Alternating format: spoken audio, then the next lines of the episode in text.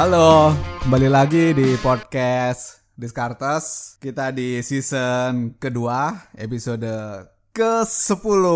Episode yang keren sekali angkanya. Kalau di sepak bola ini kayak pemain utama nih, nomor 10.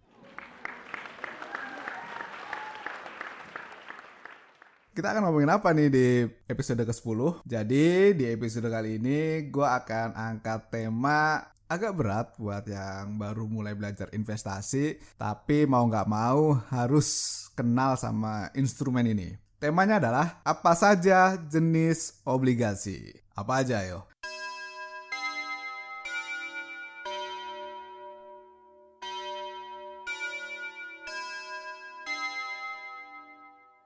Buat teman-teman yang belum pernah join ke podcast Discartes, jadi podcast ini tentang keuangan, investasi, ekonomi, dan bisnis. Di season kedua gue akan challenge dan kulik ide, entah itu dari buku, dari orang-orang, atau dari berita di sekeliling kita.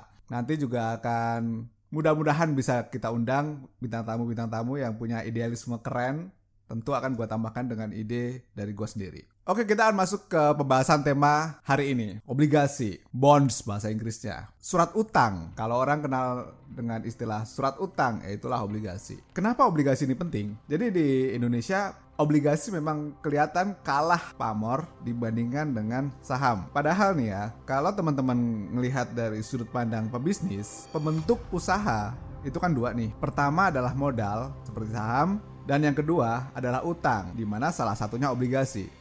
Coba deh kalian bisa buka laporan keuangan milik perusahaan apa pun itu. Di bagian salah satunya adalah utang plus modal. Kalau di total sama dengan aset. Jadi itu adalah inti kenapa gue bilang pembentuk usaha adalah utang dan modal. Jadi kita bisa bilang bahwa surat utang itu menjadi salah satu instrumen yang harus kita pahami ketika mulai berbisnis. Kemudian dari sudut pandang si investor obligasi ini berfungsi untuk mengurangi volatilitas. Kenapa? Karena ketika surat utang ditawarkan ke investor, maka dia menawarkan kupon dalam tingkat yang rata-rata tetap. Biasanya seperti itu. Jadi, basic investasi itu ada dua. Yang pertama adalah saham, dan yang kedua adalah obligasi. Ya selanjutnya kayak modifikasi dan turunannya, percampurannya. Misalnya reksadana, atau instrumen derivatif. Kita bisa belajar, tetapi sebelum sampai ke sana, harus kita pahami dulu bahwa pembentuk bisnis adalah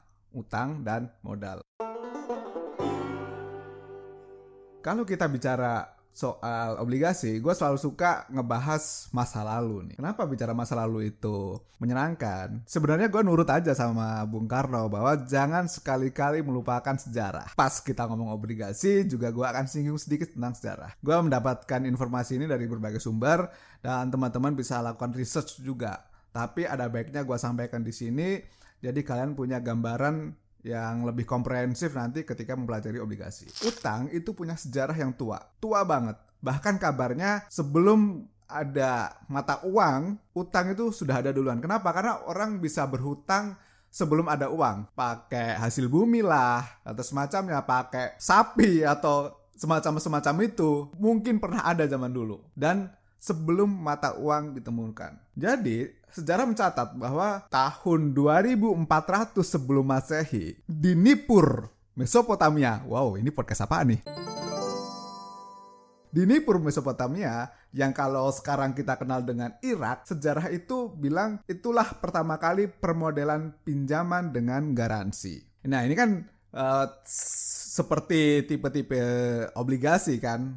Obligasi yang memiliki garansi ini juga ada di zaman dulu. Sementara kalau kita bicara tentang obligasi pemerintah tercatat bahwa yang pertama kali adalah Bank of England tahun 1963 pertanyaannya pada saat itu ngapain Bank of England mengeluarkan obligasi? Buat apa? Ternyata obligasi pada saat itu diluncurkan untuk mendanai perang melawan Prancis. Kemudian kita akan lanjut. Apakah obligasi punya risiko? Punya dong. Jadi ada beberapa risiko ketika kita berinvestasi di obligasi. Yang pertama adalah risiko likuiditas. Jadi mau korporasi ataupun obligasi yang diterbitkan sama pemerintah selalu ada risiko ini. Kita bicara saham deh. Saham yang segitu volatilenya aja ada yang tidak liquid. Kalian bisa melihat saham-saham 50 perakan yang ternyata dia nggak ada yang mau beli. Itu kan artinya nggak liquid. Apalagi obligasi. Pasti ada beberapa obligasi yang susah dicairkan. Dan itu akan tergantung nanti ketika kita mempelajari cara menganalisis obligasi yang harus dipilih. Tapi itu nanti. Yang kedua adalah risiko, durasi, dan inflasi. Jadi, semakin lama obligasi ini memiliki jangka waktu, maka sebetulnya akan makin tinggi tingkat risikonya. Sebenarnya berapa sih real return dari obligasi? Kalau kita ngomongin investasi, selalu ada pajak. Tetapi selain itu, kita juga harus memperhitungkan inflasi. Kita pakai hitung-hitungan gampang deh, yang sederhana. Misal obligasi dengan kupon 6%, dan inflasi 4%. Setelah dikurangkan pajak, maka real returnnya berapa ayo? Coba dihitung. 6% dikali 15% itu besaran pajaknya. Jadi 6 dikurangkan besaran pajak dikurangkan dengan inflasi. Ternyata ketemunya adalah 1,1 persen. Si inilah real returnnya. Risiko selanjutnya adalah risiko default, termasuk ke obligasi korporasi karena ya tidak dijamin sama pemerintah, sama negara. Kalau obligasinya dari pemerintah, dia masuk ke instrumen yang hampir free risikonya. Kenapa? Karena satu-satunya yang mungkin tidak terbayarkan kalau negara kita diserang sama negara api. Toh sampai sekarang aman-aman saja gitu. Dan masih banyak lagi risiko-risiko lainnya, tapi ini yang perlu kalian pahami dan ini yang primernya gitu. Sementara gimana kondisi sekarang? Kalau teman-teman lihat, tahun 2020 itu banyak banget perusahaan mengalami gagal bayar si obligasi karena bisnis tidak berjalan sesuai rencana. Ya, kita tidak akan sebut merek. Tapi baik itu saham, baik itu obligasi, akan selalu berkaitan dengan bisnis atau usaha dari perusahaan tersebut. Kalau perusahaannya nggak berjalan dengan optimal, jelas dia akan kesusahan bayar utang. Dan tahun 2020, karena pandemi, wabah menyerang Indonesia, ini jadi masalah. Oke. Okay?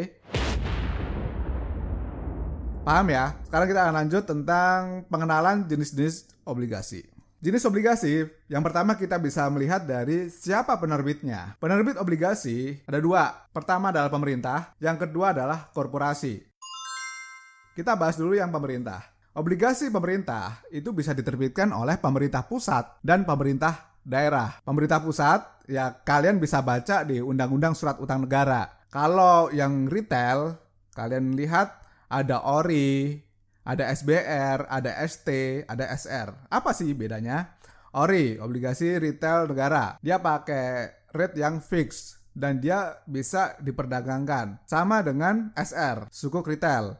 Dia juga rate-nya fix dan bisa diperdagangkan tetapi berbasis syariah. Kemudian yang tidak bisa diperdagangkan itu SBR dan ST. SBR dengan floating rate jadi basisnya adalah 7D RRR dan ST atau sukuk tabungan. Dia juga floating rate dan tidak bisa diperdagangkan. Keempat ini dikhususkan ke teman-teman retail. Jadi gue sangat appreciate atas dukungan pemerintah karena dia menerbitkan obligasi yang bisa diserap oleh retail. To be honest, obligasi ini salah satu instrumen yang susah diperoleh kalau nggak ada uh, instrumen yang dikhususkan ke retail. Kemudian, selain pemerintah pusat, ada juga pemerintah daerah. Pemerintah daerah itu bisa menerbitkan obligasi. Misalnya pemerintah daerah ya kayak DKI Jakarta, Surabaya, Surabaya dan macam-macam. Sayangnya sampai podcast ini dibentuk nampaknya masih dalam proses karena memang yang harus dipelajari prosedurnya itu masih cukup panjang gitu, masih dalam proses. Kalau misalnya teman-teman di sini ada yang tahu pemerintah daerah di Indonesia mana yang sudah menerbitkan, eh, please let me know.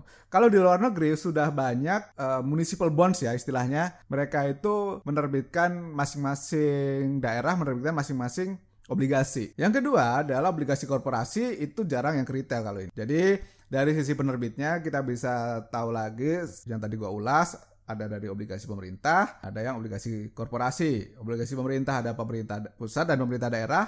Yang korporasi jarang ada yang ke retail tapi ada. Setahu gue sudah mulai bermunculan meskipun nggak banyak. Setelah dari penerbitnya, poin kedua yang bisa kita cermati adalah obligasi yang dilihat dari kuponnya. Ada zero coupon, ada floating rate, ada fixed rate.